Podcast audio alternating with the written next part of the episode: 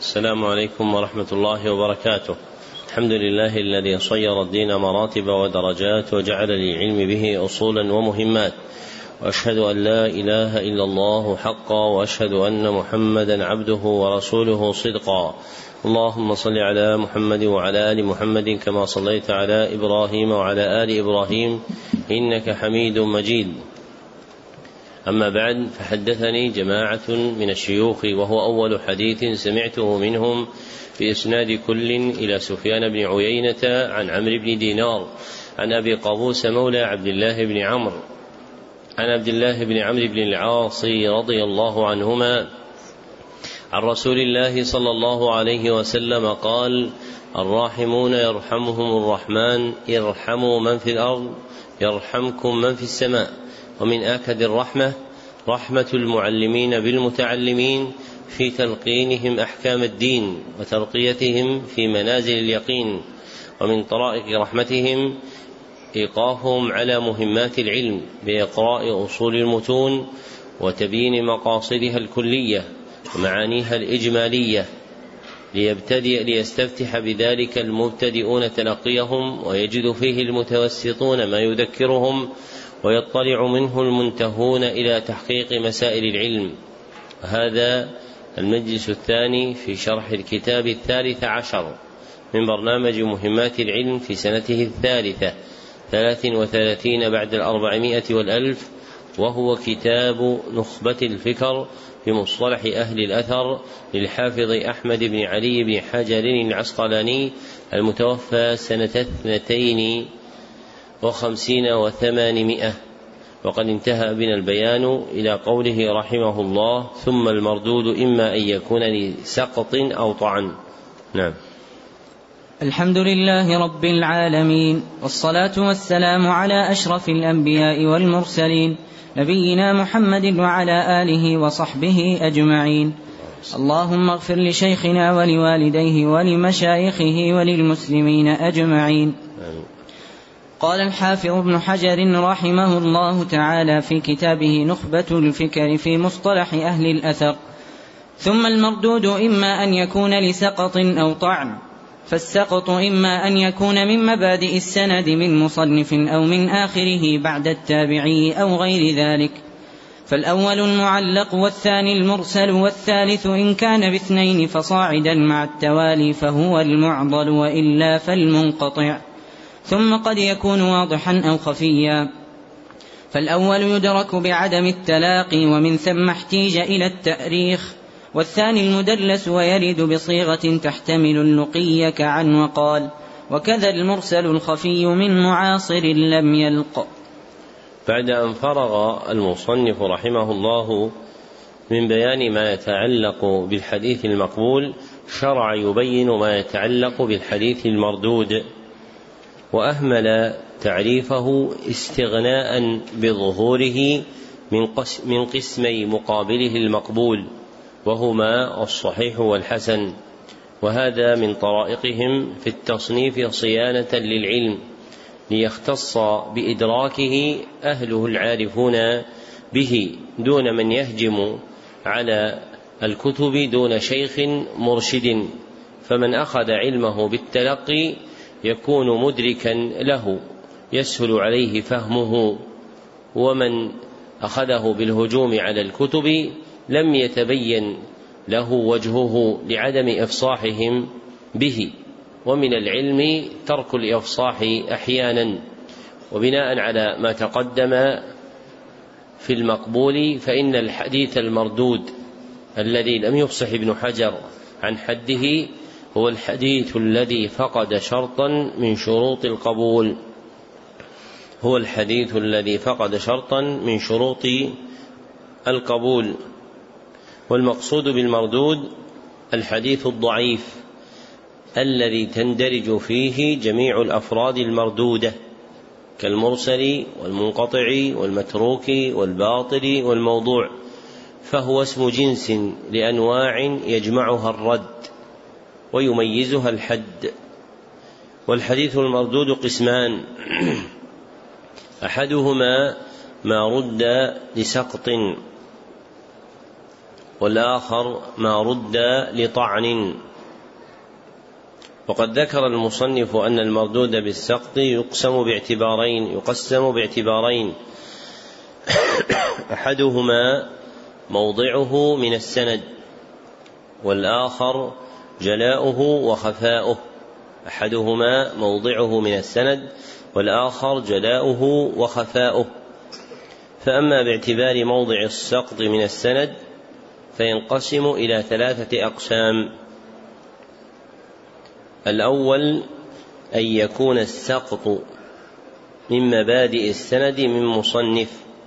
أن يكون السقط من مبادئ السند من مصنف أي من أوله. وهذا هو المعلق. ويقال في تعريف المعلق هو ما سقط من مبتدأ إسناده فوق المصنف راو أو أكثر. ما سقط من مبتدأ إسناده فوق المصنف راو أو أكثر. والثاني أن يكون السقط في آخر السند بعد التابع أن يكون السقط في آخر السند بعد التابع وهذا هو المرسل. ويقال في تعريف المرسل هو ما سقط من آخر إسناده بعد التابعي راو أو أكثر. ما سقط من آخر إسناده بعد التابعي راو أو أكثر. وبعبارة أوضح هو ما أضافه التابعي إلى النبي صلى الله عليه وسلم وإليه أشار منشدكم بقوله ومرسل الحديث ما قد وصف إيش؟ برفع تابع له وضعف. ومرسل الحديث ما قد وصف برفع تابع له وضعف. وهذا البيت يجمع حد المرسل وحكمه. والثالث أن يكون السقط بين أوله وآخره. أن يكون السقط بين أوله وآخره. فإن كان باثنين فصاعدا مع التوالي فهو المعضل. فإن كان باثنين فصاعدا مع التوالي فهو المعضل. وإلا فالمنقطع. ويقال في تعريف المعضل ما سقط فوق مبتدأ إسناده راويان أو أكثر مع التوالي. ما سقط فوق مبتدأ إسناده راويان أو أكثر مع التوالي. ويقال في تعريف المنقطع ما سقط فوق مبتدأ إسناده راو أو أكثر. لا على التوالي غير صحابي. ما سقط فوق مبتدأ إسناده راو أو أكثر لا على التوالي غير صحابي.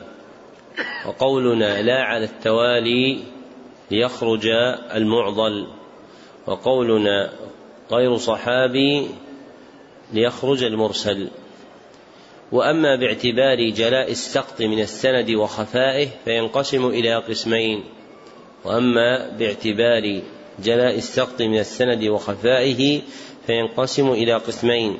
أحدهما المردود لسقط جلي. المردود لسقط جلي أي واضح.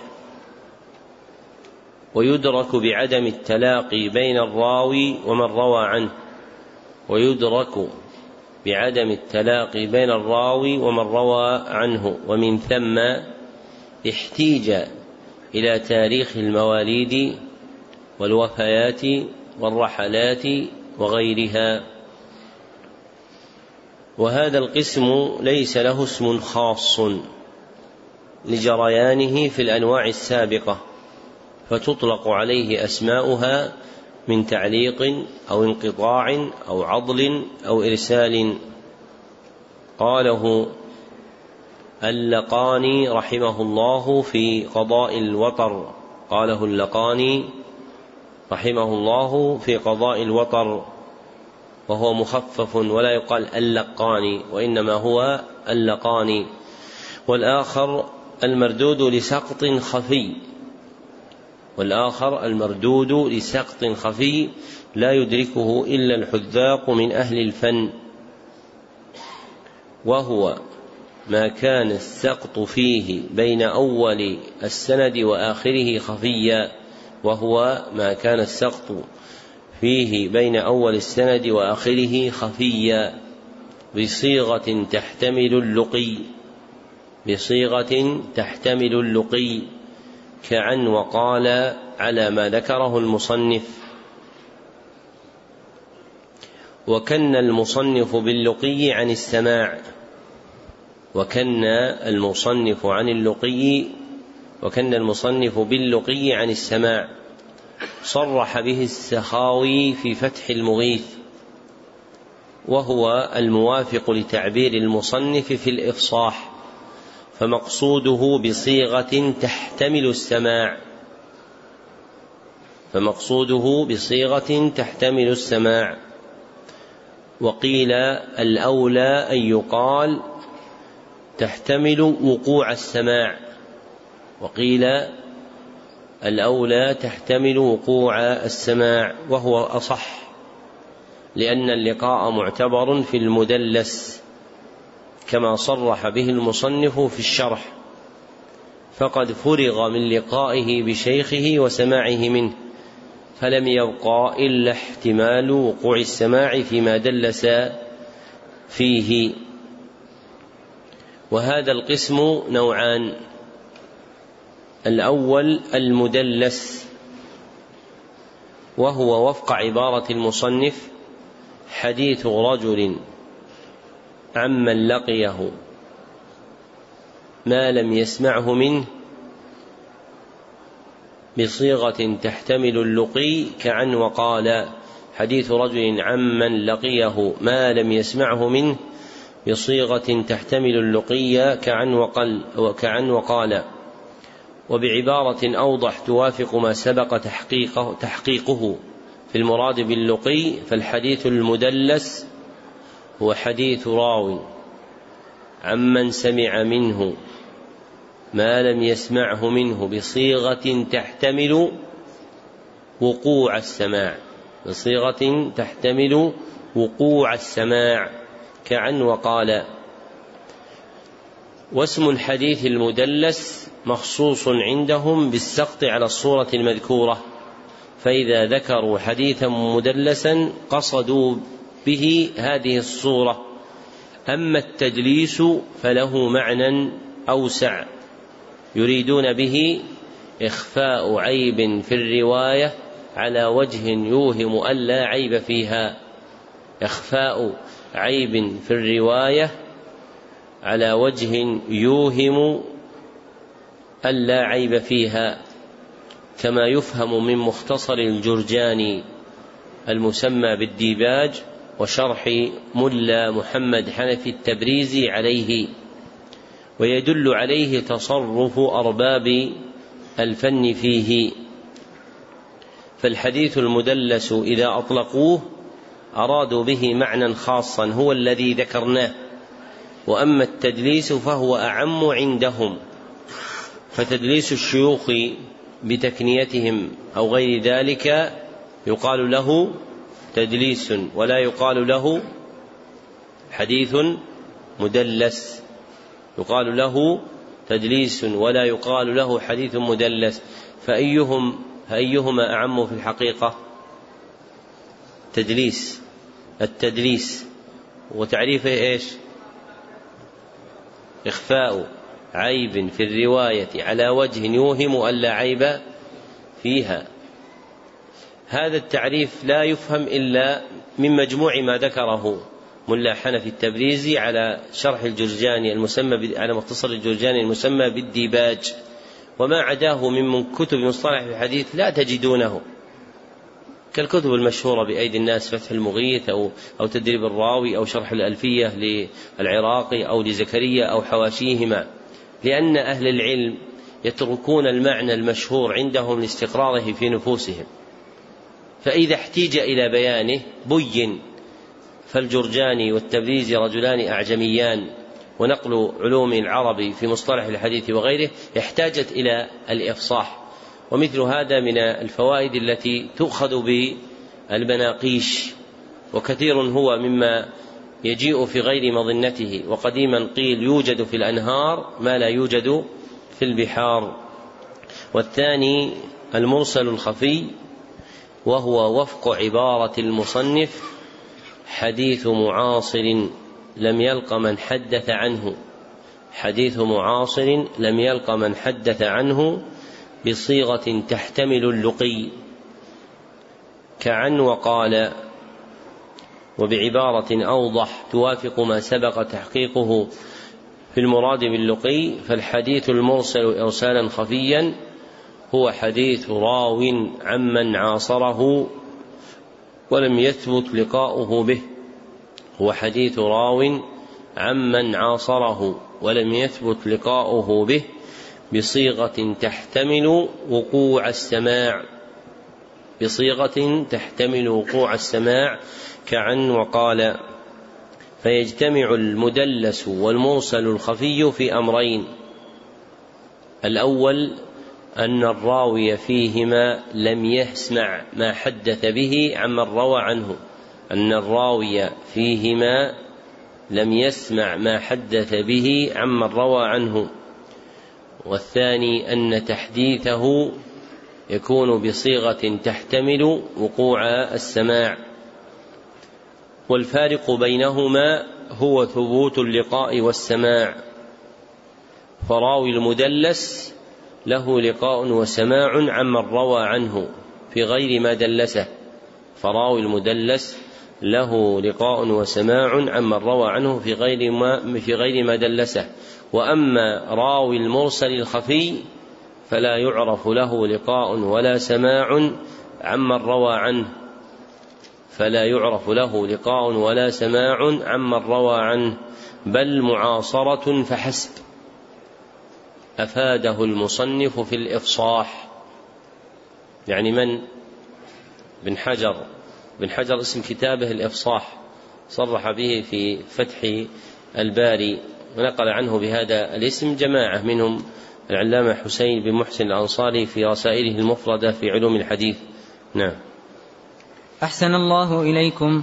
قال رحمه الله تعالى ثم الطعن إما أن يكون لكذب الراوي أو تهمته بذلك أو فحش غلطه أو غفلته أو فسقه أو وهمه أو مخالفته أو جهالته أو, أو, بد... أو وهمه.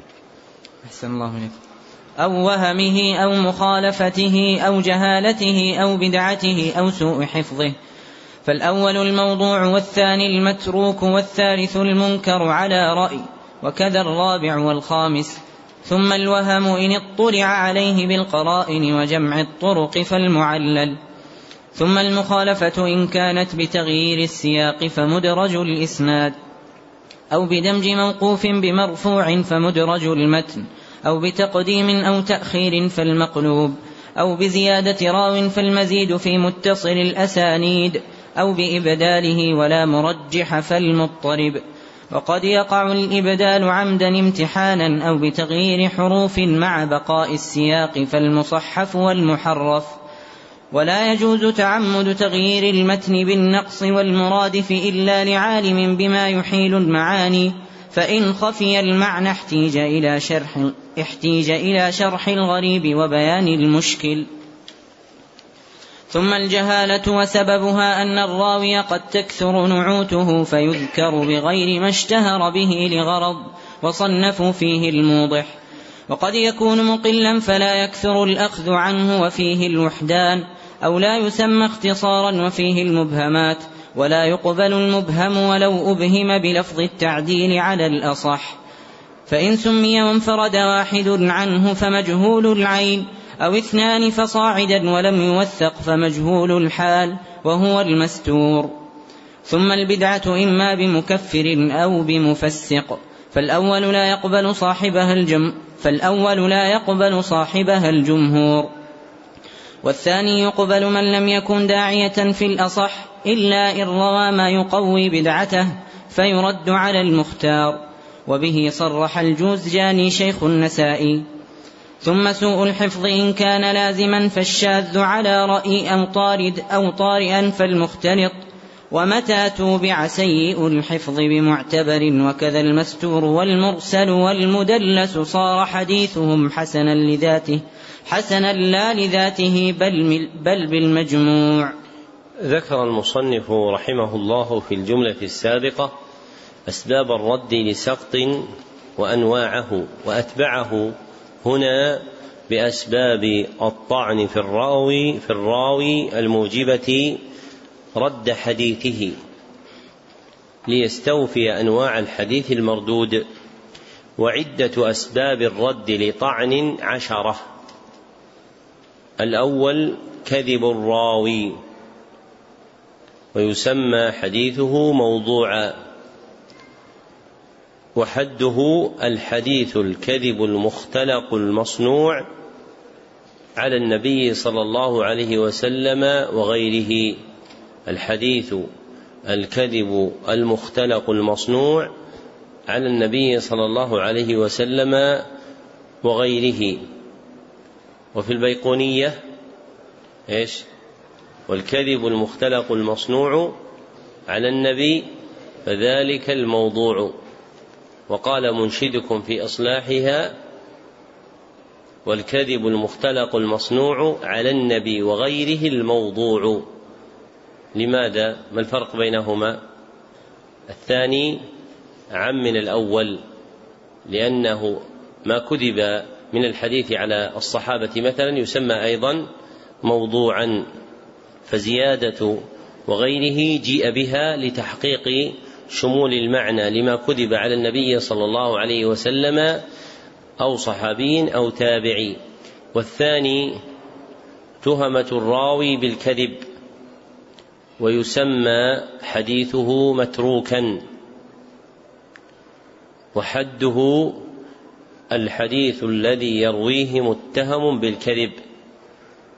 الحديث الذي يرويه متهم بالكذب. ومن ذخائر نزهة النظر بيان حقيقة الراوي المتهم بالكذب وأنه من اتصف بأحد وصفين. أحدهما أن يظهر كذبه في حديث الناس دون حديث النبي صلى الله عليه وسلم أن يظهر كذبه في حديث الناس دون حديث النبي صلى الله عليه وسلم. لأنه إذا ظهر في حديث النبي صلى الله عليه وسلم صار كذابا وضاعا وليس متهما بالكذب بل الكذب متحقق منه. والآخر أن لا يروى ذلك الحديث الذي حدث به إلا من جهته. أن لا يروى ذلك الحديث الذي حدث به إلا من جهته. ويكون مخالفا لقواعد الشرع. ويكون مخالفا لقواعد الشرع. فإذا اتصف الراوي بأحدهما سمي متهما بالكذب وسمي حديثه متروكا. وللمتروك حقيقة أخرى لا تندرج في هذا التعريف وهي ما ذكره في البيقونية بقوله متروكه ما واحد به انفرد وأجمعوا لضعفه فهو كرد فيكون المتروك على ما في البيقونية الحديث الذي انفرد بروايته راو مجمع على ضعفه الحديث الذي انفرد بروايته راو مجمع على ضعفه فيسمى حديثه أيضا متروكا. فإذا جمعنا هذا إلى ذاك صار الحديث المتروك هو الحديث الذي يرويه متهم بالكذب أو الذي انفرد بروايته راو مجمع على ضعفه أو الذي انفرد بروايته راو مجمع على ضعفه. والثالث فحش غلط الراوي ويسمى حديثه منكرا في قول بعض أهل العلم ويسمى حديثه منكرا في قول بعض أهل العلم وحده الحديث الذي يرويه فاحش الغلط الحديث الذي يرويه فاحش الغلط. والغلط هو الخطأ وفحشه كثرته. ويوصف الراوي بفحش الغلط إذا كان خطأه في الرواية أكثر من صوابه. إذا كان خطأه في الرواية أكثر من صوابه. أو هما متساويان أو هما متساويان. حققه ملا علي قارئ. حققه ملا علي قارئ. وأما وقوع الغلط فإن الإنسان لا ينفك عنه ولا يوجب قليله رد حديث الراوي. والرابع غفلة الراوي ويسمى حديثه منكرا في قول بعض أهل العلم. ويسمى حديثه منكرا في قول بعض أهل العلم. وحده الحديث الذي يرويه كثير الغفلة. الحديث الذي يرويه كثير الغفلة. والغفلة سهو يعتري الإنسان فيغيب عنه مراده ولا يتذكره. سهو يعتري الإنسان فيغيب عنه مراده ولا يتذكره. ولا بد من تقييدها بالفحش أي الكثرة. لأن الغفلة اليسيرة جبلة آدمية. لا ينفك الإنسان عنها لا ينفك الإنسان عنها فلا توجب الطعن بل موجب الطعن فحش غفلته. فيكون قول المصنف أو غفلته أو غفلته معطوفا على قوله غلطه لا على قوله فحشي. ويدل على تحقيق هذا المعنى قول المصنف في نزهة النظر أو كثرت غفلته. فهذا مفسر لإبهام العطف. وما ذكرته لك استظهره ملا علي قاري رحمه الله في مصطلحات أهل الأثر على شرح شرح نخبة الفكر. والخامس فسق الراوي. ويسمى حديثه منكرا في قول بعض أهل العلم.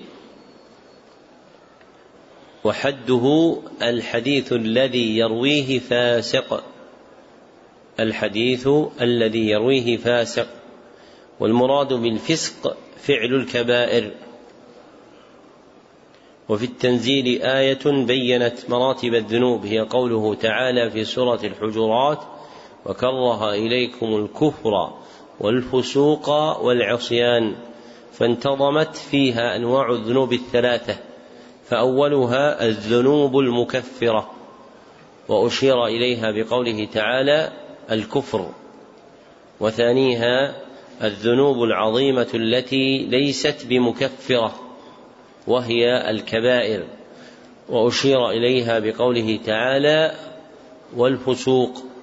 وثالثها الذنوب التي ليست بمكفرة ولا عظيمة.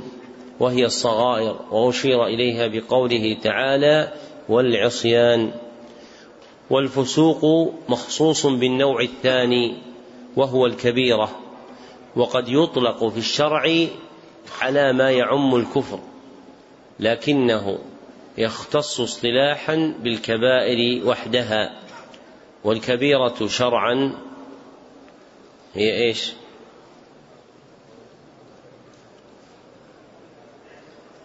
أحسنت. ما نهي عنه على وجه التعظيم. ما نهي عنه على وجه التعظيم.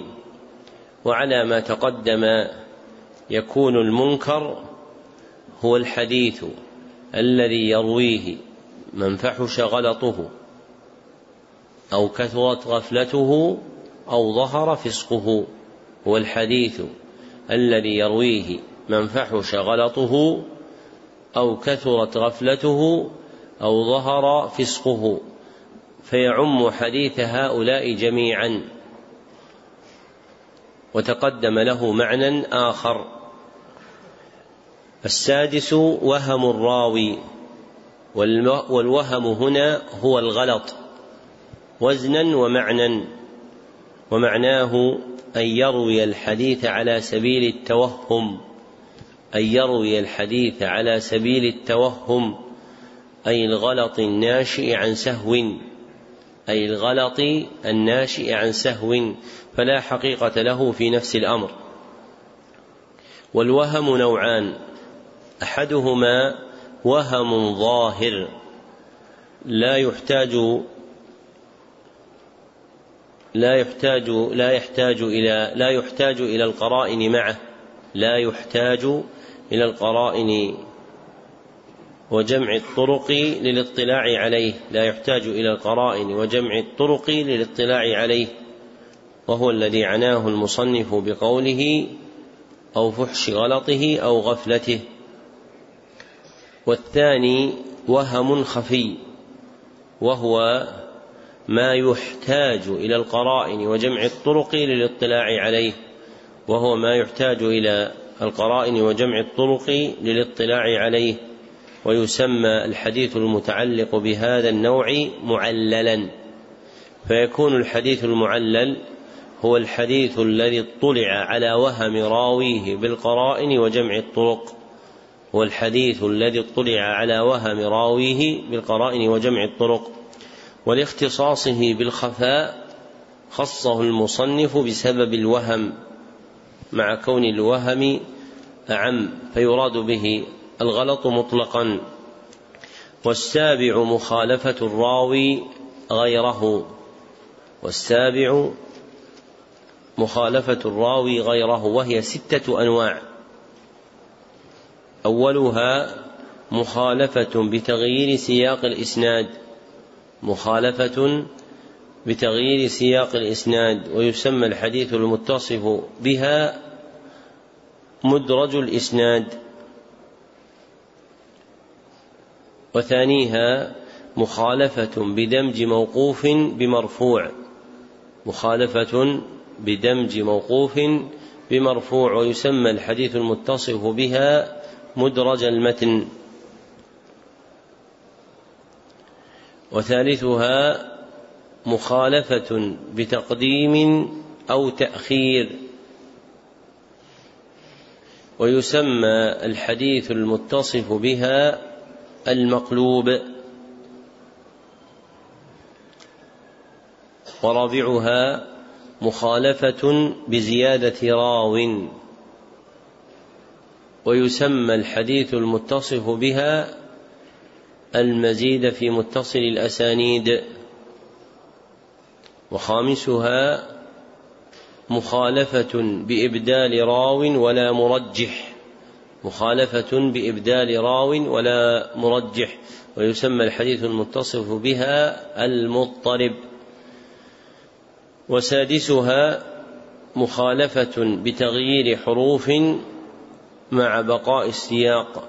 مخالفة بتغيير حروف مع بقاء السياق. ويسمى الحديث المتصف بها المصحف والمحرف. وعلى ما ذكره المصنف تعرف هذه الأنواع فيقال الحديث المدرج هو الحديث الذي خالف فيه الراوي غيره. هو الحديث الذي خالف فيه الراوي غيره بتغيير سياق الإسناد أو دمج موقوف بمرفوع وبعبارة أوضح هو الحديث الذي أدخل فيه ما ليس من اللفظ النبوي. هو الحديث الذي أدخل فيه ما ليس من اللفظ النبوي.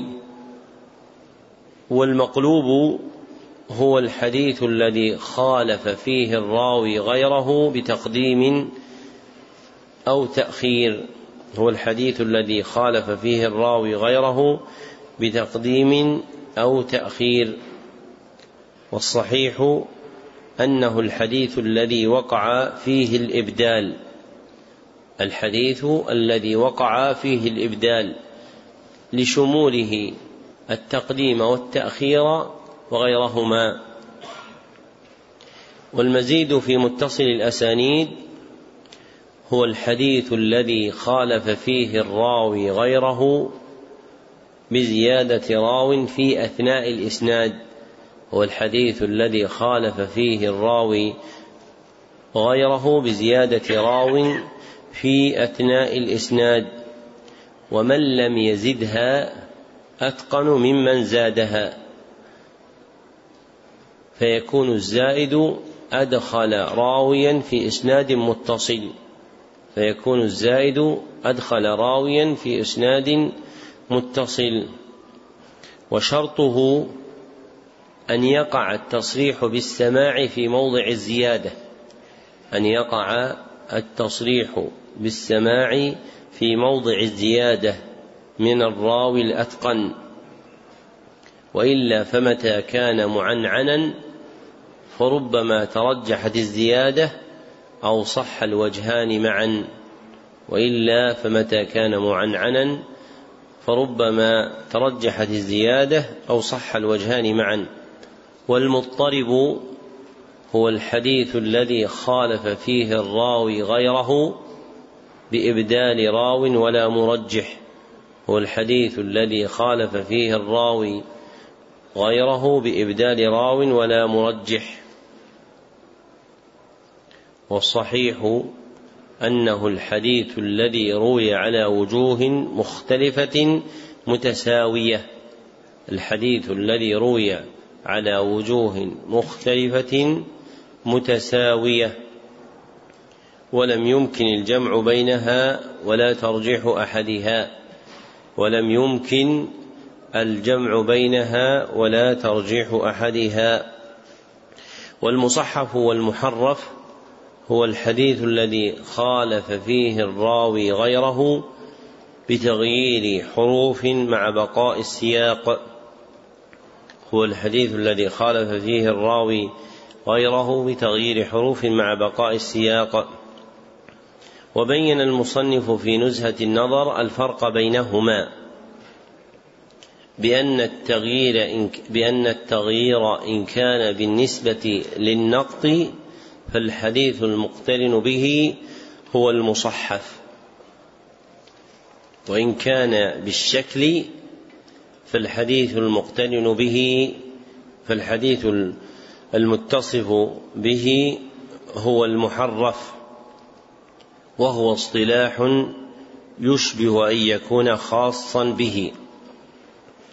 فالاستعمال الشائع عند المحدثين عدم التفريق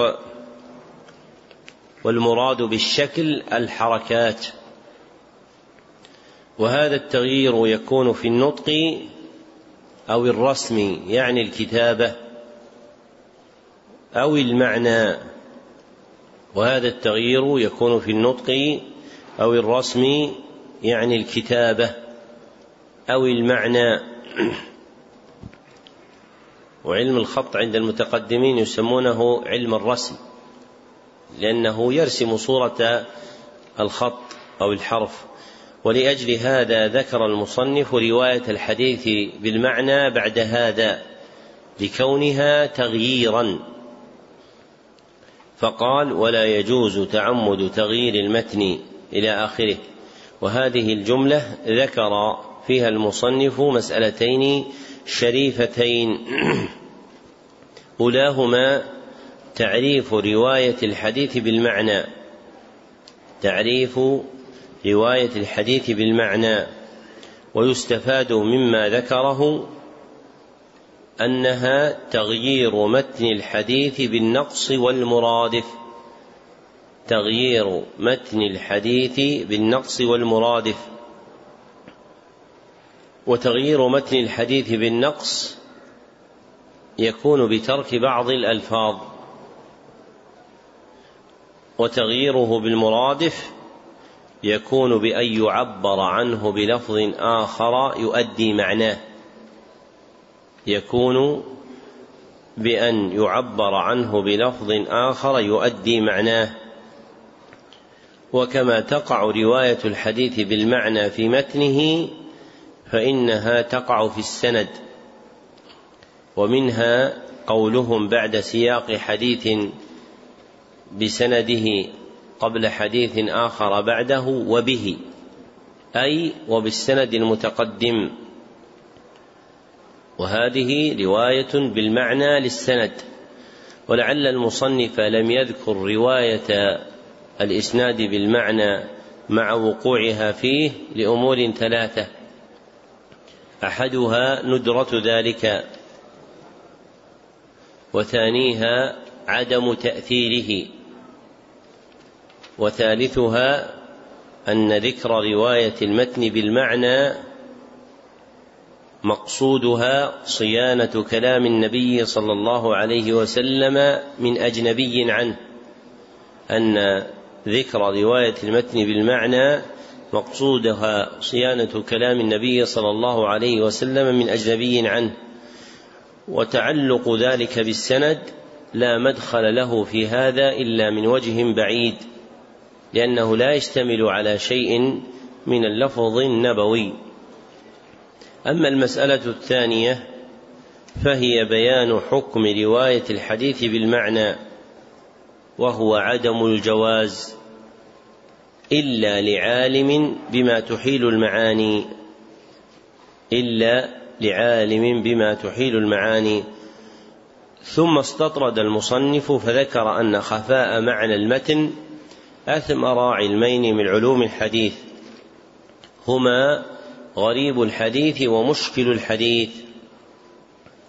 والفرق بينهما أن غريب الحديث هو ما خفي فيه معنى اللفظ لكونه مستعملا بقلة.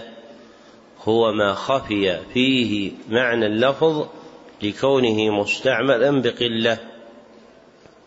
ومشكل الحديث هو ما خفي فيه معنى اللفظ لدقة مدلوله. ما خفي فيه معنى اللفظ لدقة مدلوله. أفاده المصنف في الشرح.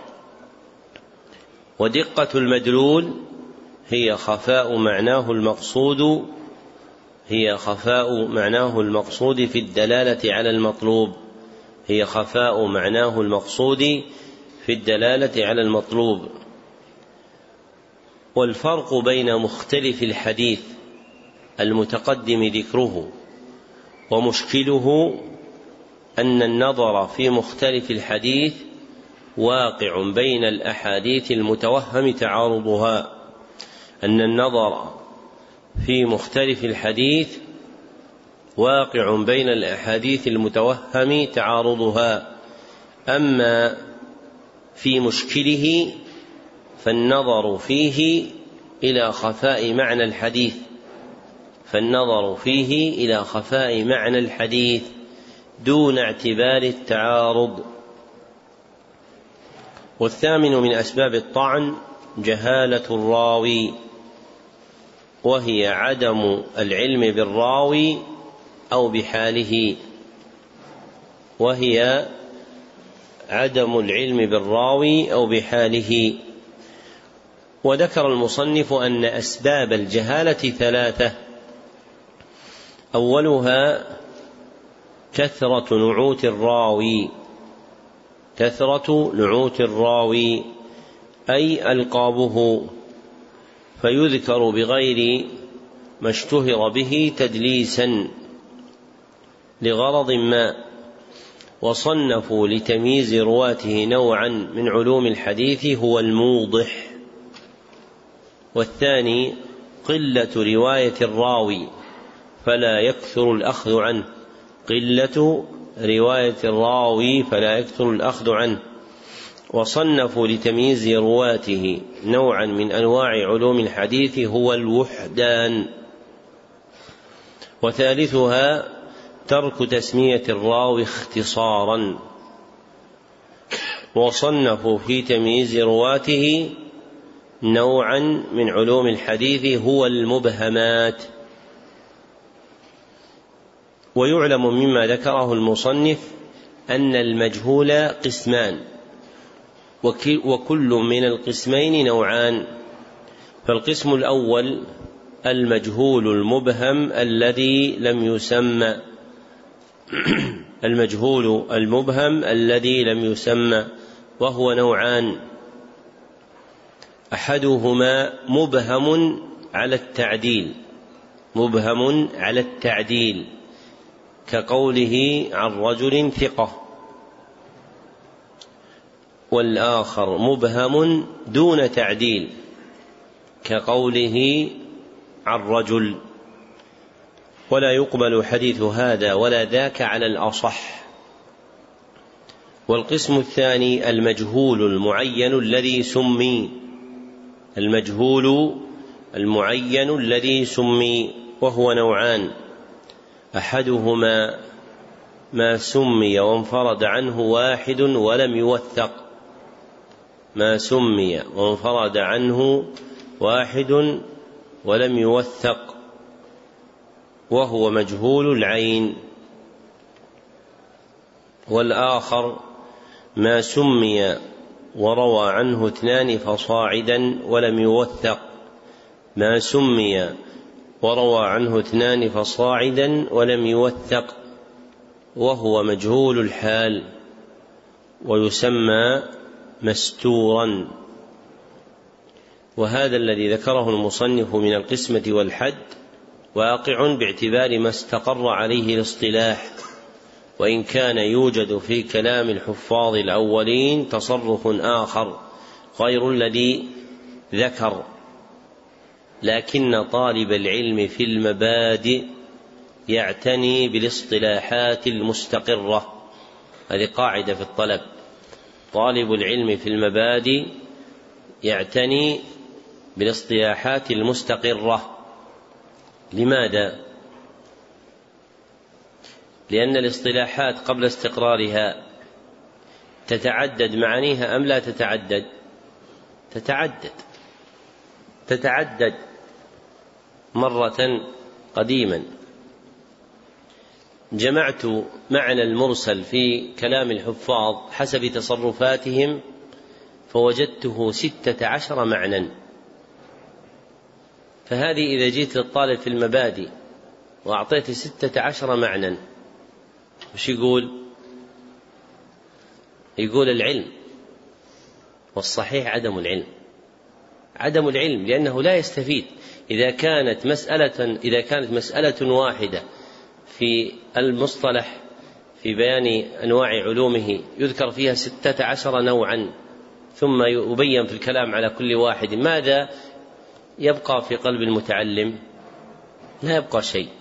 لكن إذا ثبت فيه الاصطلاح المستقر بعد ذلك أمكنه هو أن يجمع أكثر مما قد يكون جمع شيخه. لأنه إذا كان يقرأ في كتب المحدثين فوجد معنى خلاف المعنى الذي استقر عنده في التلقي فسيستفيد أنه معنى مستعمل عند بعض الحفاظ فيثبته. فإذا وجد آخر أثبته فإذا وجد آخر أثبته. فينمو العلم عنده لأن عنده أصلا بنى عليه. أما إذا لم يكن عنده أصل يبني عليه فإنه سيكون مشوشا تلتبس عليه العلوم. والتاسع من أسباب الطعن بدعة الراوي. والبدعة شرعا هي ما أحدث في الدين. مما ليس منه بقصد التعبد. والبدعة شرعا هي ما أحدث في الدين مما ليس منه بقصد التعبد وهي على ما ذكره المصنف نوعان. أولهما بدعة بمكفر ولا يقبل حديث صاحبها الجمهور. وثانيها بدعة بمفسق. وقد ذكر المصنف أنه يقبل حديث من لم يكن داعية في الأصح إلا إن روى ما يقوي بدعته فاختياره أن من كان مبتدعا بدعة غير مكفرة قبل حديثه بشرطين أحدهما ألا يكون داعية إلى بدعته والآخر ألا يكون فيما رواه ما يقوي تلك البدعة الا يكون فيما رواه ما يقوي تلك البدعة. والمختار أن من وصف ببدعة غير مكفرة يكفي في قبول روايته ما يكفي في قبول رواية غيره أن من وصف ببدعة غير مكفرة يكفي في قبول روايته ما يكفي في قبول رواية غيره. والعاشر من أسباب الطعن سوء حفظ الراوي. سوء حفظ الراوي. وسوء الحفظ هو رجحان خطأ الراوي على إصابته أو تساويهما أو تساويهما. رجحان خطأ الراوي على إصابته أو تساويهما. استفيد ذلك من عبارة المصنف في شرحه. ولا تسفر عن تحقيق الفرق بين سوء الحفظ وفحش الغلط. ولا تسفر عن تحقيق الفرق بين سوء الحفظ وفحش الغلط. وكأن الأول حال الراوي يعني سوء الحفظ حال الراوي. والثاني نتيجتها يعني فحش الغلط. فهذا هو الفرق بينهما أن سوء الحفظ هو حال الراوي وأن فحش الغلط هو النتيجة المترتبة من سوء الحفظ. وسوء الحفظ نوعان أحدهما سوء حفظ لازم للراوي سوء حفظ لازم للراوي ويسمى حديثه شاذا على قول. وحده الحديث الذي يرويه من وصف بسوء الحفظ. الحديث الذي يرويه من وصف بسوء الحفظ. وهو معنى آخر الشاذ سوى ما تقدم. والآخر سوء حفظ طارئ على الراوي. سوء حفظ طارئ على الراوي ويسمى الراوي الموصوف به مختلطا. وهي حال تعتري من كان ضابطا لمحفوظه. ثم طرأ عليه سوء الحفظ فتغير حفظه. ولم يتميز حديثه فصار مختلطا فتغير حفظه. ولم يتميز حديثه فصار مختلطا. وفي تحقيق الفرق بين بعض أسباب الرد بطعن غموض أشار اليه ملا علي القاري في مصطلحات أهل الأثر على شرح شرح نخبة الفكر كالفرق بين الغفلة والوهم أو فحش الغلط وسوء الحفظ. ولما فرغ المصنف من عد أسباب الرد بسقط أو طعن نبه إلى ما يتقوى إذا توبع بمعتبر من الأنواع المتقدمة وهو حديث سيء الحفظ والمستور والمرسل والمدلس وهو حديث سيء الحفظ والمستور والمرسل والمدلس فيصير حديثهم حسنا لا لذاته بل بالمجموع وهو الحسن لغيره كما تقدم. والمعتبر من الرواة من كان ضعفه خفيفا قابلا للاعتضاد. من كان ضعفه خفيفا قابلا للاعتضاد فإن اسم المعتبر يختص به. نعم. أحسن الله إليكم. قال رحمه الله تعالى ثم الإسناد إما أن ينتهي إلى النبي صلى الله عليه وسلم تصريحا أو حكما من قوله أو فعله أو تقريره أو إلى الصحابي كذلك. وهو من لقي النبي صلى الله عليه وسلم مؤمنا به ومات على الإسلام ولو تخللت ردة في الأصح. أو إلى التابعي وهو من لقي الصحابي كذلك. فالأول المرفوع والثاني الموقوف والثالث المقطوع ومن دون التابعي فيه مثله. ويقال للأخيرين الأثر.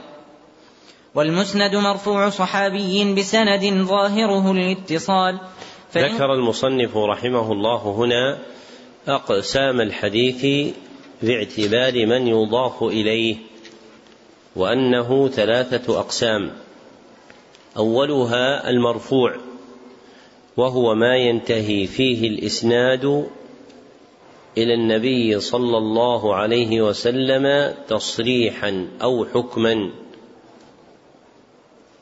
من قوله أو فعله أو تقريره وبعبارة ألخص هو ما أضيف إلى النبي صلى الله عليه وسلم من قول أو فعل أو تقرير أو وصف.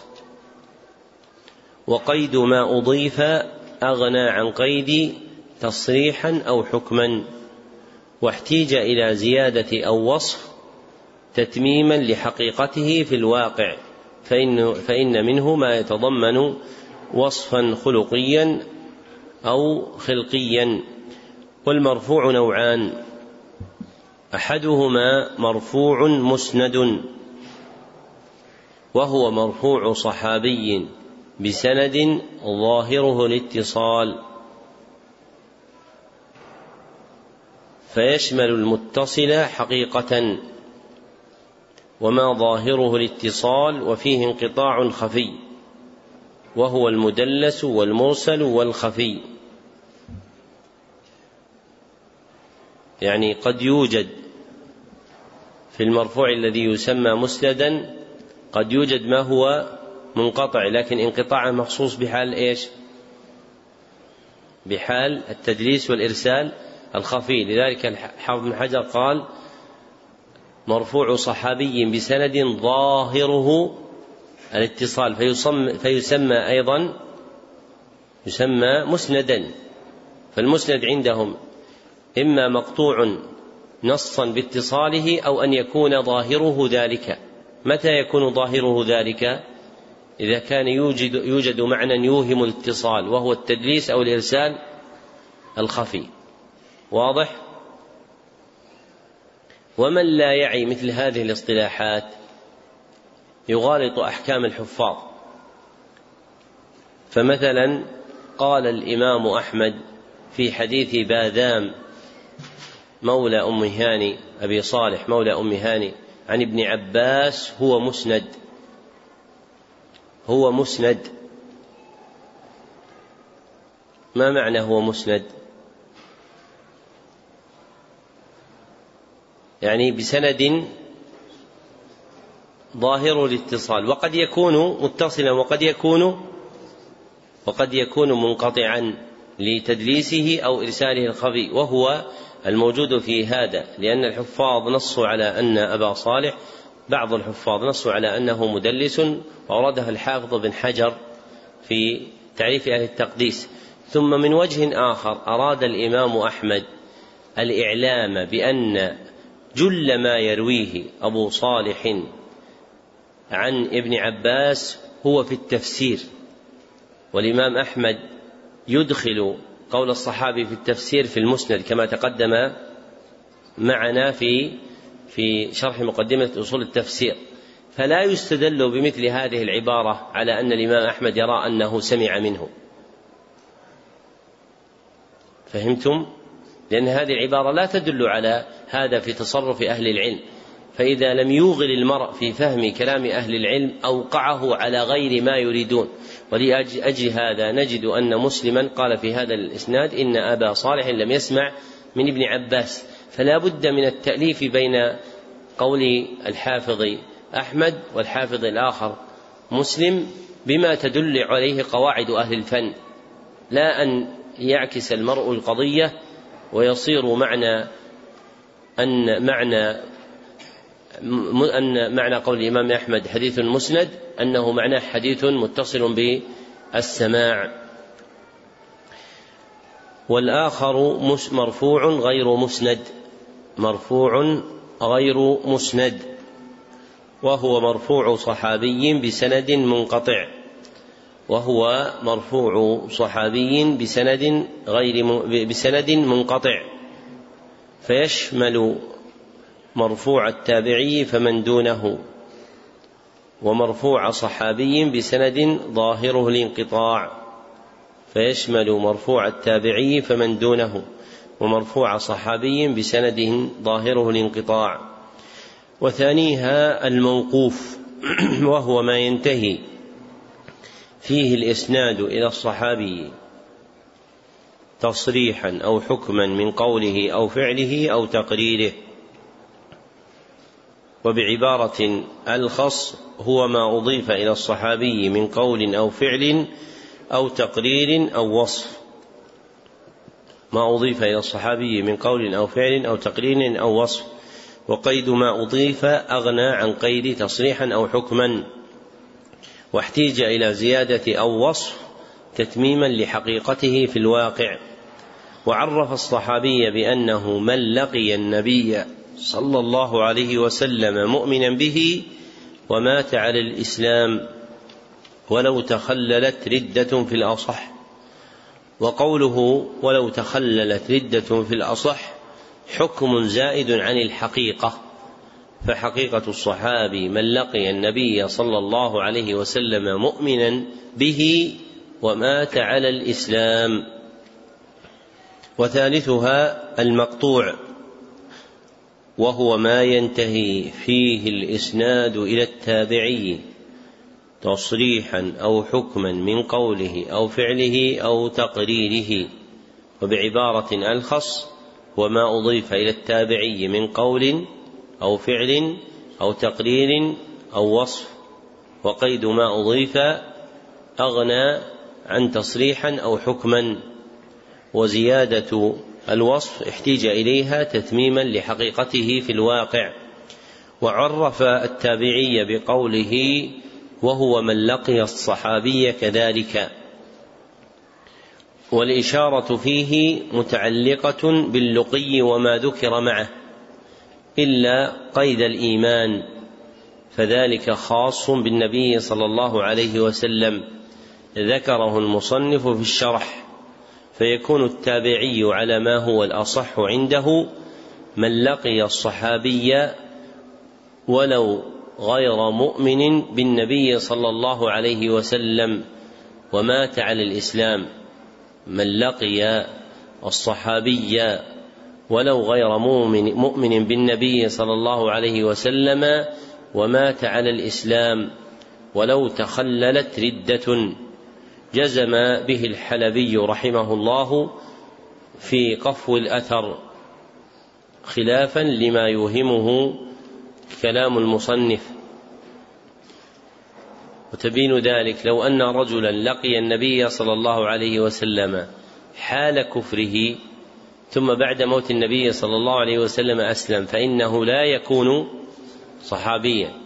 أما لو أن رجلا لقي الصحابي حال كفره ثم أسلم بعد موت الصحابي فإنه يسمى تابعيا. وعلى ما ذكرنا آنفا من أن قول المصنف ولو تخللت ردة في الأصح حكم لا تعلق له بالحقيقة يكون التابعي هو من لقي الصحابي ومات على الإسلام.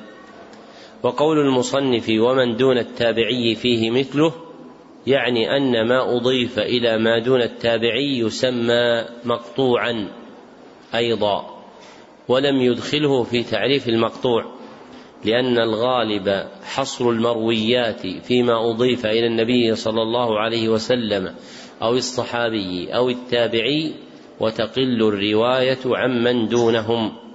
فلقلة الرواية عمن دونهم استغني عن إدراجها في الحد فتجعل مرويات من دون التابع من المقطوع الحاقا فليست منه حقيقة بل ملحقة له وتابعة بل ملحقة به وتابعة له ولأجل ندرته لم يدخل في حده. فيكون المقطوع باعتبار الأصالة والتبعية نوعين فيكون المقطوع باعتبار الأصالة والتبعية نوعين أحدهما المقطوع الأصلي وهو ما أضيف إلى التابعي من قول أو فعل أو تقرير أو وصف والآخر المقطوع التابع وهو ما أضيف إلى ما إلى من دون التابعي. وهو ما أضيف إلى ما دون التابع إلى من دون التابعي من قول أو فعل أو تقرير أو وصف. ويقال للموقوف والمقطوع الأثر ولا يسمى المرفوع عند المصنف أثرا. ومن أهل الحديث من يسمي المرفوع والموقوف والمقطوع كلها آثارا. فيطلقون الأثر بمعنى الخبر العام عن النبي صلى الله عليه وسلم وعن من دونه كما جرى عليه جماعة سموا كتبهم بذلك منهم الطحاوي والبيهقي. فالأول له مشكل الآثار والثاني له معرفة السنن والآثار وأدخلوا فيها المروي عن النبي صلى الله عليه وسلم مع المروي عن الصحابي والتابعي وجعلوه من جملة ما يندرج في اسم الأثر. نعم. أحسن الله إليكم.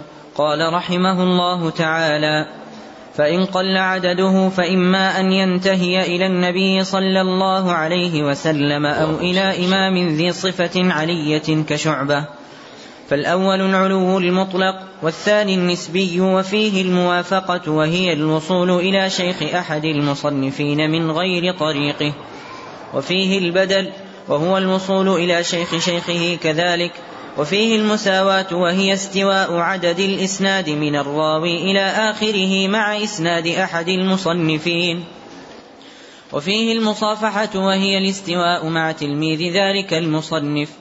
ويقابل العلو بأقسامه النزول تقدم أن السند هو سلسلة الرواة التي تنتهي إلى المتن وهذه السلسلة يقل عددها ويكثر. ووقع التمييز بين القلة والكثرة عند أهل الفن باسم العلو والنزول. فالسند العالي هو السند الذي قل عدد رواته. إلى النبي صلى الله عليه وسلم أو إلى إمام ذي صفة علية. والسند النازل هو السند الذي كثر عدد رواته إلى النبي صلى الله عليه وسلم أو إلى إمام ذي صفة علية. وكل وكل قسم منهما له نوعان. مطلق ونسبي. فالسند العالي مطلقا هو الذي قل عدد رواته إلى النبي صلى الله عليه وسلم. والسند العالي نسبيا هو السند الذي قل عدد رواته إلى إمام ذي صفة علية. والسند النازل مطلقا هو الذي كثر عدد رواته إلى النبي صلى الله عليه وسلم. والسند النازل نسبيا هو السند الذي كثر عدد رواته إلى إمام ذي صفة علية. والعلو والنزول النسبيان لهما أقسام أربعة هي الموافقة والبدل والمساواه والمصافحة. فهذه هي أقسام الحديث العالي وأقسام الحديث النازل فأولها الموافقة وهي الوصول إلى شيخ أحد المصنفين من غير طريقه الوصول إلى شيخ أحد المصنفين من غير طريقه والثاني البدل وهو الوصول إلى شيخ شيخه كذلك. وهو الوصول إلى شيخ شيخه كذلك. والثالث المساواة وهي استواء عدد رواة الإسناد من الراوي إلى آخره مع إسناد أحد المصنفين وهي استواء عدد رواة الإسناد من الراوي إلى آخره مع إسناد أحد المصنفين. والرابع المصافحة وهي الاستواء مع تلميذ ذلك المصنف وهي الاستواء مع تلميذ ذلك المصنف. والمراد بالوصول أن يروي المسند حديثا بسنده أن يروي المسند حديثا بسنده من غير طريق المصنفين المشهورين. فيلاقيه في شيخه أو من فوقه على ما تقدم. نعم. أحسن الله إليكم. قال رحمه الله تعالى فإن تشارك الراوي ومن روى عنه في السن واللقي فهو الأقران وإن روى كل منهما عن الآخر فالمدبج وإن روى عن من دونه فالأكابر عن الأصاغر ومنه الآباء عن الأبناء وفي عكسه كثرة ومنه من روى عن أبيه عن جده. وإن اشترك اثنان عن شيخ وتقدم موت أحدهما فهو السابق واللاحق. وإن روى عن اثنين متفقي الإسم ولم يتميزا فباختصاصه بأحدهما يتبين المهمل. ذكر المصنف رحمه الله في هذه الجملة ستة أنواع من علوم الحديث يجمعها صلة الراوي بغيره من الرواة يجمعها صلة الراوي بغيره من الرواه وهي من اللطائف الإسنادية.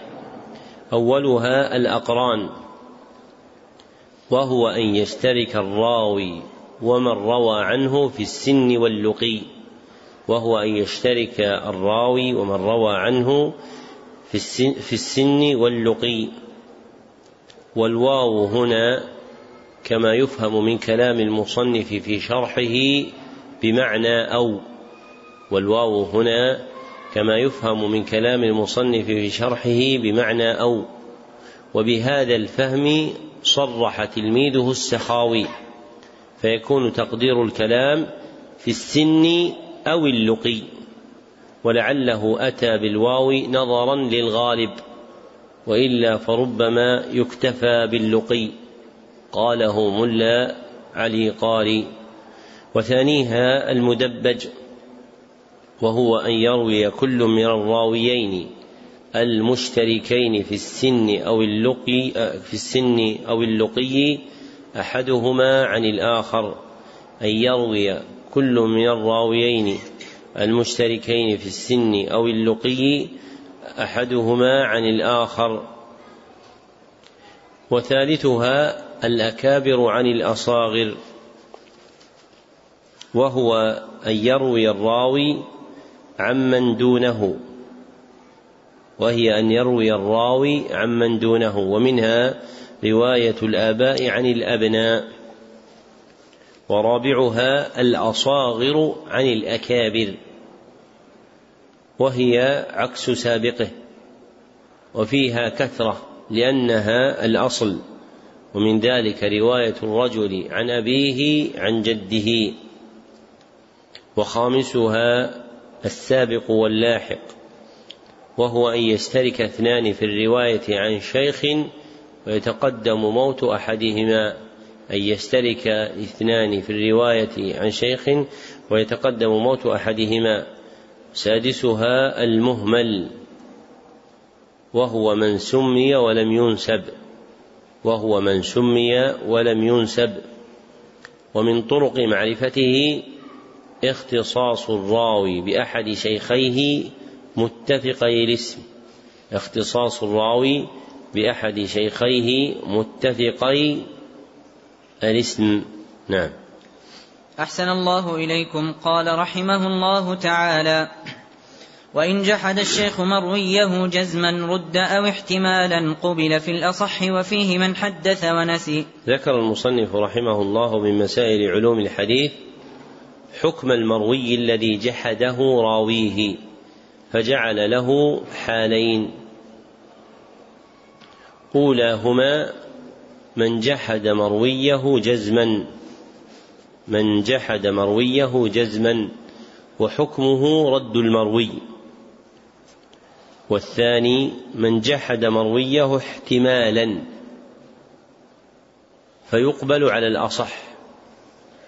ويتفرع عن هذه المسألة من حدث ونسي وهو الراوي الذي حدث بحديث ثم نسيه وهو الراوي الذي حدث بحديث ثم نسيه فصار يحدث بالحديث عن غيره عن نفسه فصار يحدث بالحديث عن غيره عن نفسه وذلك منه قبول لخبر مخبره. وذلك منه قبول لخبر مخبره لكنه احتاط في روايته فحدث به عن تلميذه عن نفسه. نعم.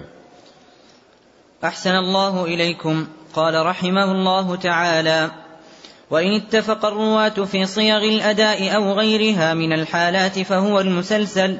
ذكر المصنف رحمه الله نوعا آخر من أنواع علوم الحديث وهو الحديث المسلسل وهو على ما ذكره الحديث الذي اتفق رواته في صيغ الأداء أو غيرها من الحالات.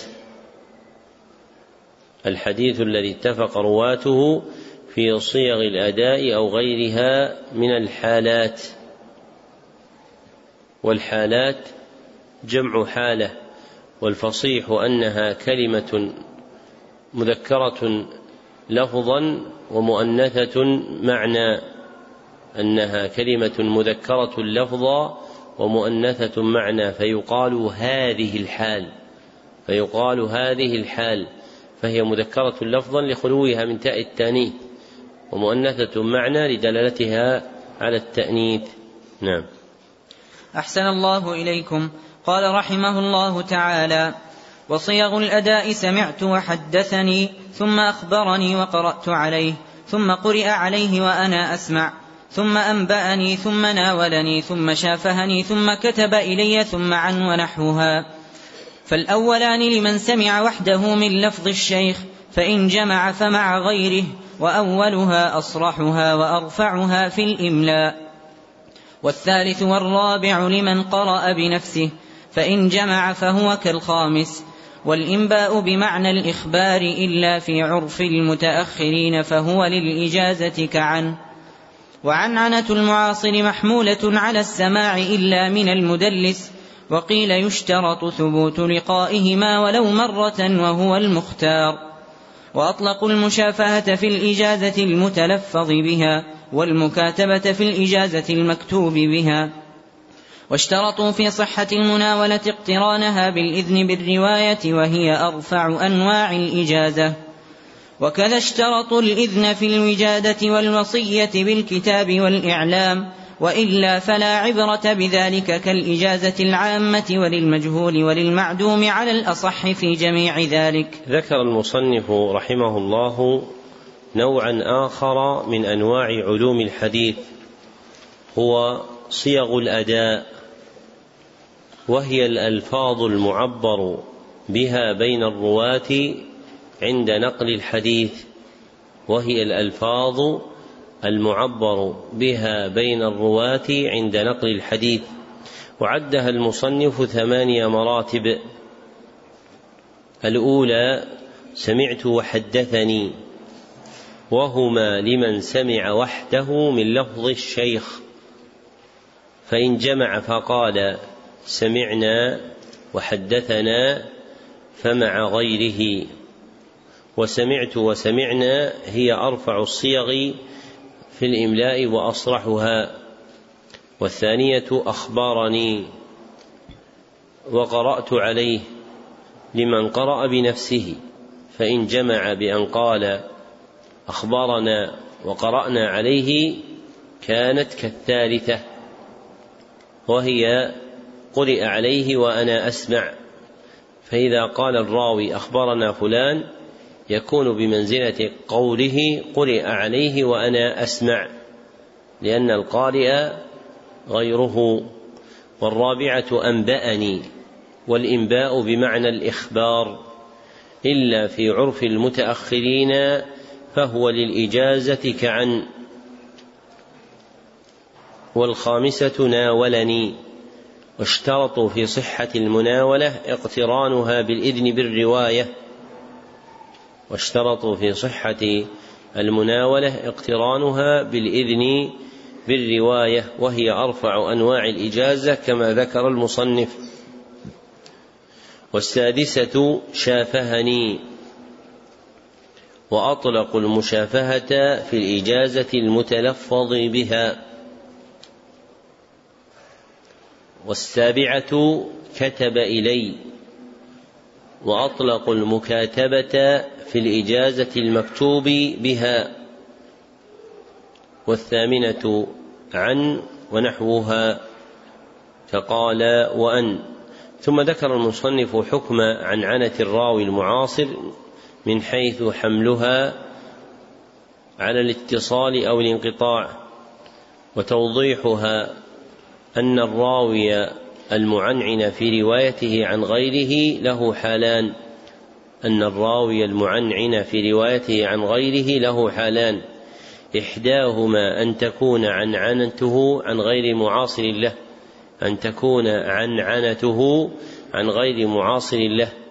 فروايته منقطعة بلا إشكال. والأخرى أن تكون عنعنته عن معاصر له. أن تكون عنعنته عن معاصر له. فلا يخلو من إحدى حالين. إحداهما الأولى الأولى أن يكون مدلسا فهذا يتوقى العلماء عن عنته فهذا يتوقى العلماء عن عنته وفق مراتب ليس هذا محل بيانها لكن عنعنة المدلس عندهم ربما أوجبت رد الحديث. والثانية أن يكون بريئا من التدليس أن يكون بريئا من التدليس فهو الذي وقع فيه الخلاف الذي ذكره المصنف في حكم عنعنته فقيل تحمل على السماع مطلقا وقيل يشترط ثبوت لقائهما حقيقة ولو مرة يشترط ثبوت لقائهما حقيقة ولو مرة أو حكما باعتبار القرائن وهو المختار.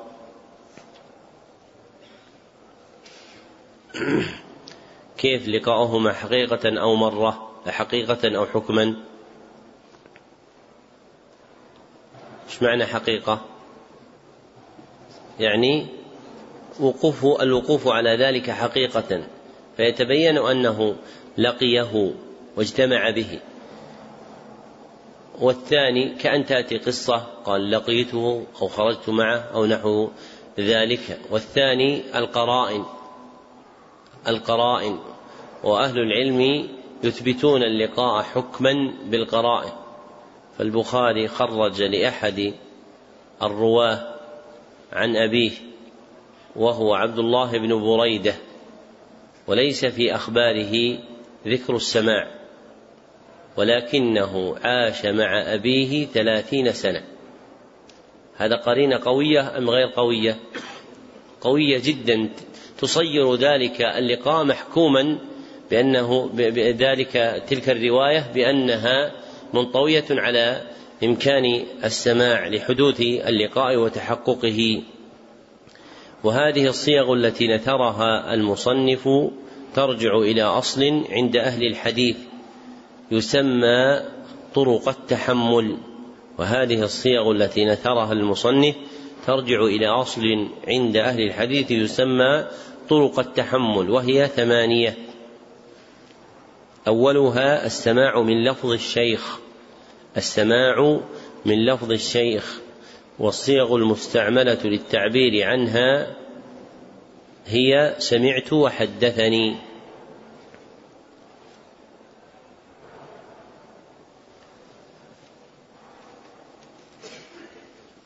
فإذا سمع من شيخه فإنه يقول حدثني شيخي من الفوائد التي خذوها حتى يتحقق لكم هذا. حدثني شيخنا محمد بن سليمان بن جراح وأشار إلى متنه. قال سمعت شيخنا أحمد عطية الأثري وأشار إلى متنه. يقول حفظ المتون يشد المتون. حفظ المتون يشد المتون. حفظ المتون يعني أصول العلم. يشد المتون يعني يقوي الإنسان في العلم كما أن متنه بالأكل والرياضة الذي هو على ظهره يشتد. فهذا إذا رويتموه إيش تكون العبارة. حدثنا فلان وأشار إلى متنه. والثاني القراءة عليه وتسمى العرض. والثاني القراءة عليه وتسمى العرض.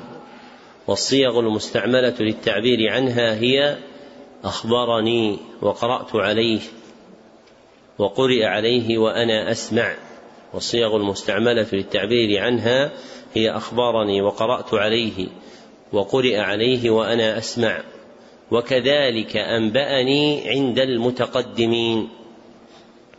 والثالث الإجازة والصيغ المستعملة للتعبير عنها هي التصريح بها كأن يقول أجازني فلان بكذا أو أخبرني إجازة. والمتأخرون يعبرون عنها بعن كما سلف. والمتأخرون يعبرون عنها بعن كما سلف. والرابع المناولة والصيغة المستعملة للتعبير عنها هي ناولني. والخامس المكاتبة والصيغة المستعملة للتعبير عنها هي كتب إلي. والسادس الوصية والصيغة المستعملة للتعبير عنها هي أوصى إلي فلان. والسابع الإعلام والصيغة المستعملة للتعبير عنها هي أعلمني فلان. والثامن الوجادة والصيغة المستعملة للتعبير عنها هي وجدت بخط فلان أو قرأت بخط فلان أو في كتاب فلان بخطه. قال حدثنا فلان. واشترط المحدثون الإذن في الوجادة والوصية بالكتاب والإعلام.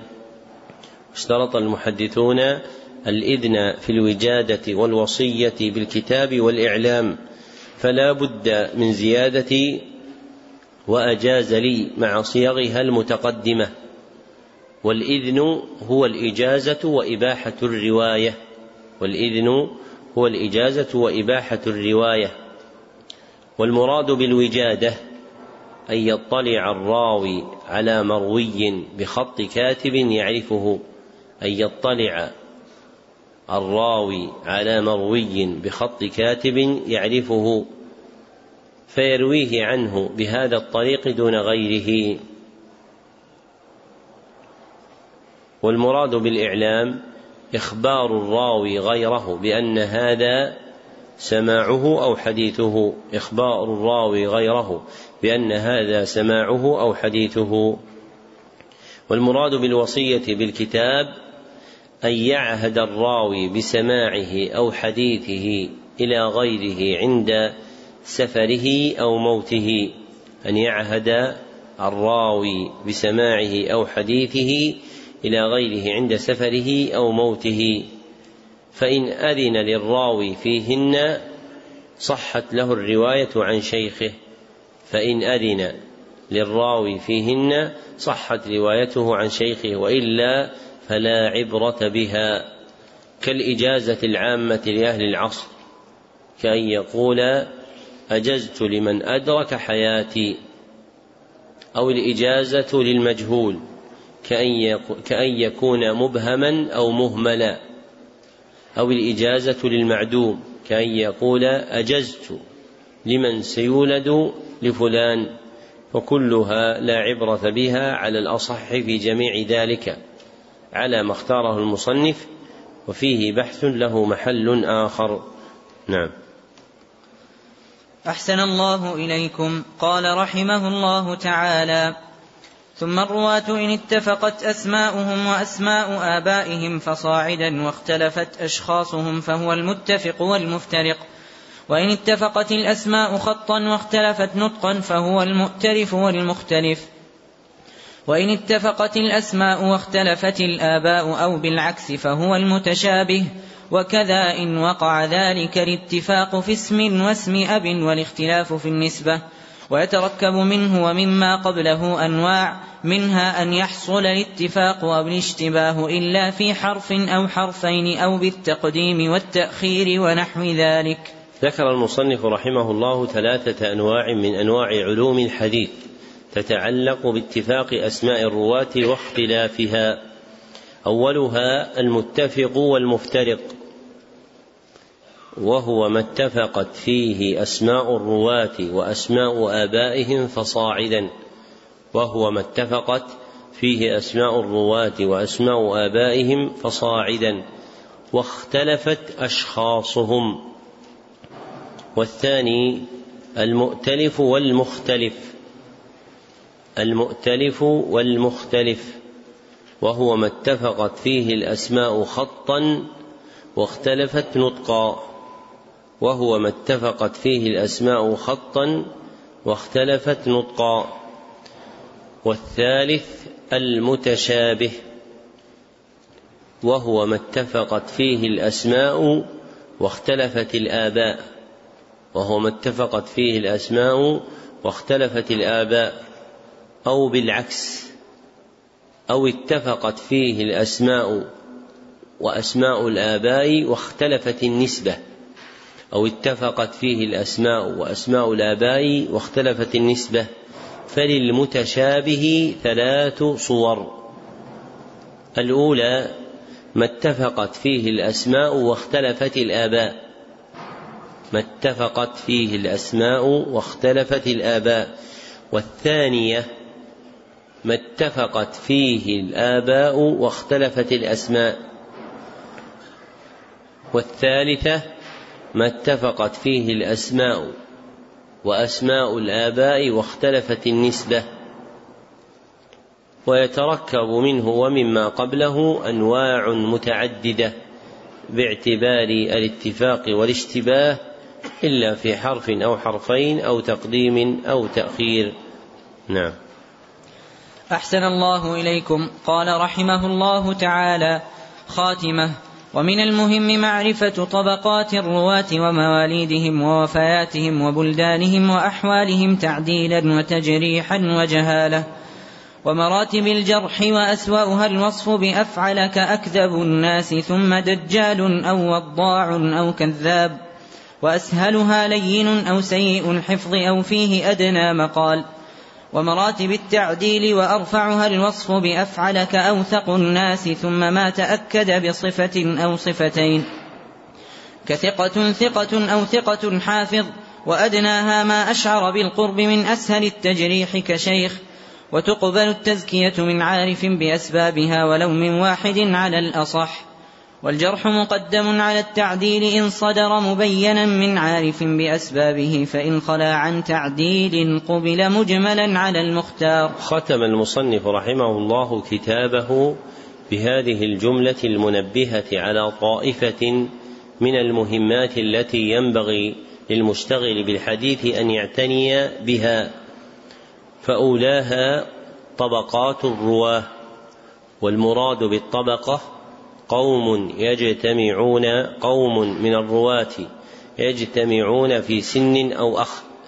قوم من الرواة يجتمعون في سن أو أخذ فكل قوم اجتمعوا في أخذ أو سن فهم طبقة. والأخذ لقاء المشايخ وهو الأصل. والسن تابع فقد يتفاوتون فيه. وللعلماء رحمهم الله طرائق مختلفة في عد طبقات الرواة. الثانية مواليدهم أي تاريخ ولادة الرواة. والثالثة وفياتهم مخففة ولا يقال وفياتهم وإنما وفياتهم أي تاريخ موتهم. والرابعة بلدانهم التي نزلوا بها. والخامسة أحوالهم أي من جهة العدالة والتجريح والجهالة. ثم ذكر المصنف أربع مسائل تتعلق بالجرح والتعديل. الأولى مراتب الجرح والتعديل واقتصر فيها على ذكر أسوأ مراتب الجرح وأسهلها وما قرب من أولهما وعلى ذكر أرفع مراتب التعديل وأدناها وما قرب من أولهما. ومراتب الجرح هي درجات ما يدل على تضعيف الراوي. هي درجات ما يدل على تضعيف الراوي. ومراتب التعديل هي درجات ما يدل على تقوية الراوي. وهذا يشمل الألفاظ وغيرها. كالإشارة وتحميض الوجه ونفض اليدين وإخراج اللسان. وأكثر العلماء اقتصروا في مراتب الجرح والتعديل على ذكر الألفاظ فقط لأنها الأصل في الجرح والتعديل فهي غالب المعبر به. والإشارات مما يعسر ضبط المراد منها والإشارات مما يعسر ضبط المراد منها. مثل تحميض الوجه. كيف؟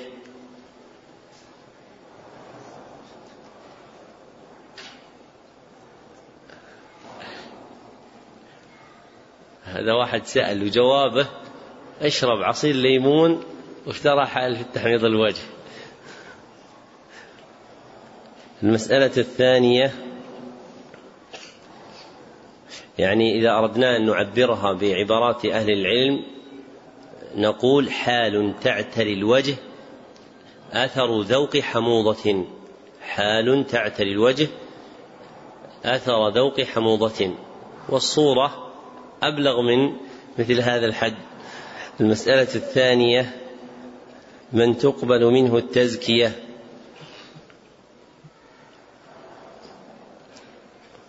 المسألة الثانية من تقبل منه التزكية. أحيانا بعض الطرف يعني تعجب بعض يعني المجودة والقراء يعني يقولون للطالب خذ مرآة وانظر كيف مخارجك تنظر كيف حركاتك. فيعجب الإنسان من حاله إذا صار يطبق مثل هذه الأحوال. المسألة الثانية من تقبل منه التزكية. والتزكية هي الوصف بالجرح أو التعديل. والتزكية هي الوصف بالجرح أو التعديل ويسمى الحاكم على الرواة بالجرح والتعديل مزكيا أي ناقدا يصف الرواة بالجرح أو التعديل.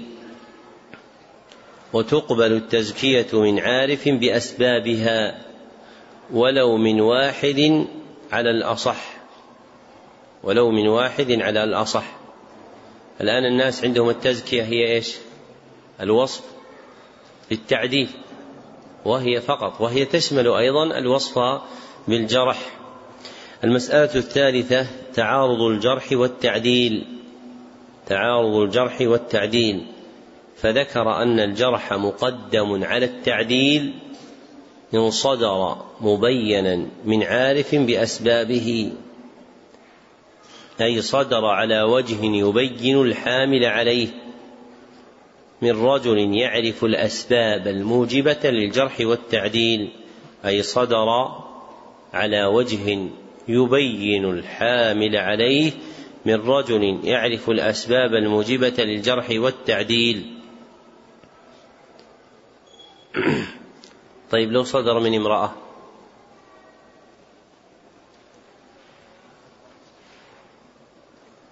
الإخوان اللي في كلية الحديث هل مر معكم أن امرأة حكمت على راو ثقة صدوق ضعيف. مر ولا ما مر؟ ما مر. لكن الآن يكثر الرسائل في كلية الحديث الأخوات اللي يقدمون رسالة والخلاصة في الراوي أنه ثقة.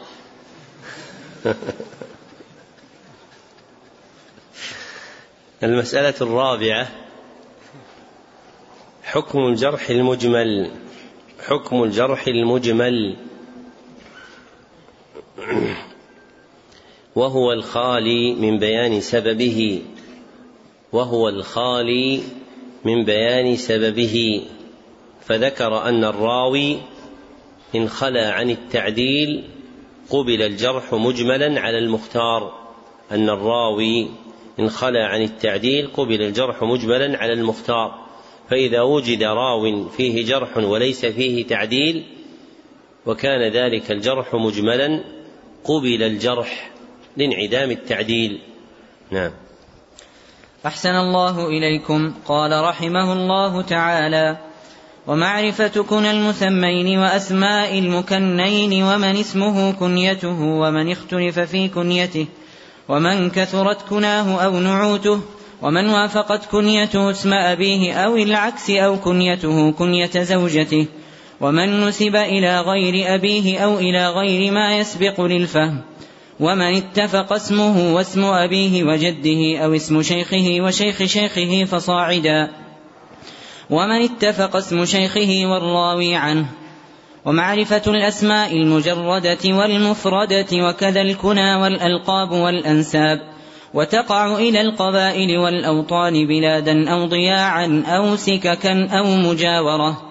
وإلى الصنائع والحرف ويقع فيها الاتفاق والاشتباه كالأسماء وقد تقع ألقابا. ومعرفة أسباب ذلك ومعرفة الموالي من أعلى ومن أسفل بالرق أو بالحلف. ومعرفة الإخوة والأخوات. ومعرفة آداب الشيخ والطالب وسن التحمل والأداء. وصفة كتابة الحديث وعرضه وسماعه وإسماعه والرحلة فيه وتصنيفه وتصنيفه على المسانيد أو الأبواب أو العلل أو الأطراف ومعرفة سبب الحديث وقد صنف فيه بعض شيوخ القاضي أبي يعلى بن الفراء. وصنفوا في غالب هذه الأنواع وهي نقل محض ظاهرة التعريف مستغنية عن التمثيل وحصرها متعسر فلتراجع لها مبسوطاتها والله الموفق والهادي لا إله إلا هو. أتم المصنف رحمه الله ختم كتابه بما ذكر من جملة من مهمات علوم الحديث التي ينبغي أن يعرفها المشتغل به فذكر أن من المهم معرفة كنى المسمين والكنى جمع كنية وهو ما سبق بأب أو أم أو غيرهما والمسمى هو المذكور باسمه ومعرفة ومعرفة أسماء المكنين أي من ذكر بكنيته فيحتاج إلى معرفة اسمه ومعرفة من اسمه كنيته أي من يعرف بكنيته وهي اسمه أيضا. ومعرفة من اختلف في كنيته أي في تعيينها أو كثرت كناه أو نعوته. والمراد بالنعوت الألقاب والأنساب. ومعرفة من وافقت كنيته اسم أبيه أو العكس أو كنيته كنية زوجته. ومعرفة من نسب إلى غير أبيه أو إلى غير ما يسبق إلى الفهم. الأخ اللي معه الجوال جزاه الله خير يطفئه. ومعرفة من اتفق اسمه واسم أبيه وجده أو اسم أو اسم شيخه وشيخ شيخه فصاعدا. ومعرفة من اتفق اسم شيخه والراوي عنه. ومعرفة الأسماء المجردة وهي الأسماء التي لا تختص بوصف تتميز به وهي الأسماء التي لا تختص بوصف تتميز به ككنية أو لقب بل هي باقية أعلاما دالة على أصحابها كما وضعت. وهذا معنى ما ذكره أبو الحسن السندي الصغير رحمه الله في بهجة النظر أنها العارية عن الخصوصيات المتقدمة من التوافق بالوجوه المذكورة. ومن اشتهار مسمياتها بالكنى. هذا ومعرفة الأسماء المجردة تراه من المواضع التي تدوخ في النخبة. ما معنى معرفة الأسماء المجردة؟ هي كما ذكرنا الأسماء التي لا تختص بوصف تتميز به. ومعرفة الأسماء المفردة والمراد بها الأسماء التي ينفرد بها أصحابها. فلا يعرف من سمي من الرواة بذلك الاسم غيره.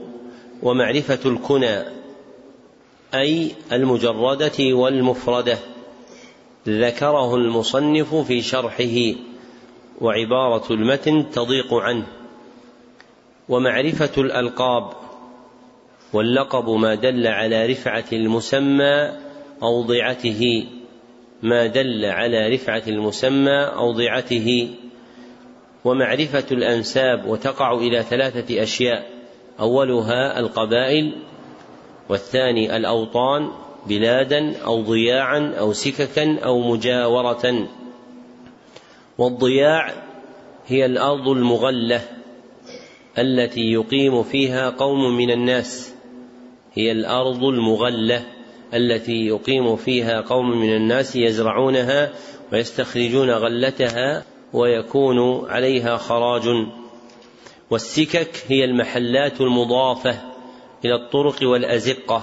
هي المحلات المضافة إلى الطرق والأزقة. كما يقال سكة آل فلان أو طريق آل فلان. والمجاورة هي الإقامة في وطن أو قبيلة.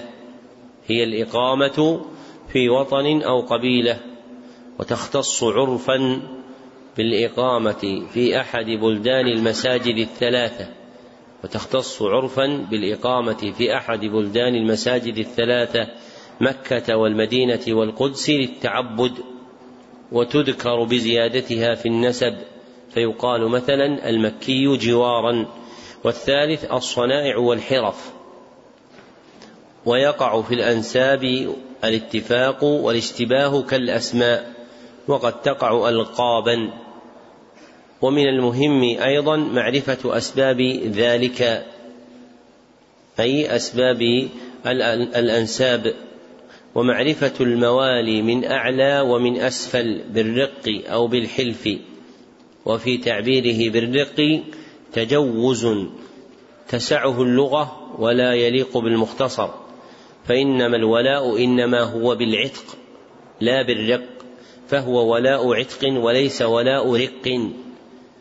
فإنه كان رقيقا فأعتقه معتق فصار مولا له. والحلف بكسر الحاء وأصله المعاقدة والمعاهدة على التناصر المعاقدة والمعاهدة على التناصر. فيكون المنسوب إليه عاقد قوما فنسب إليهم حلفا.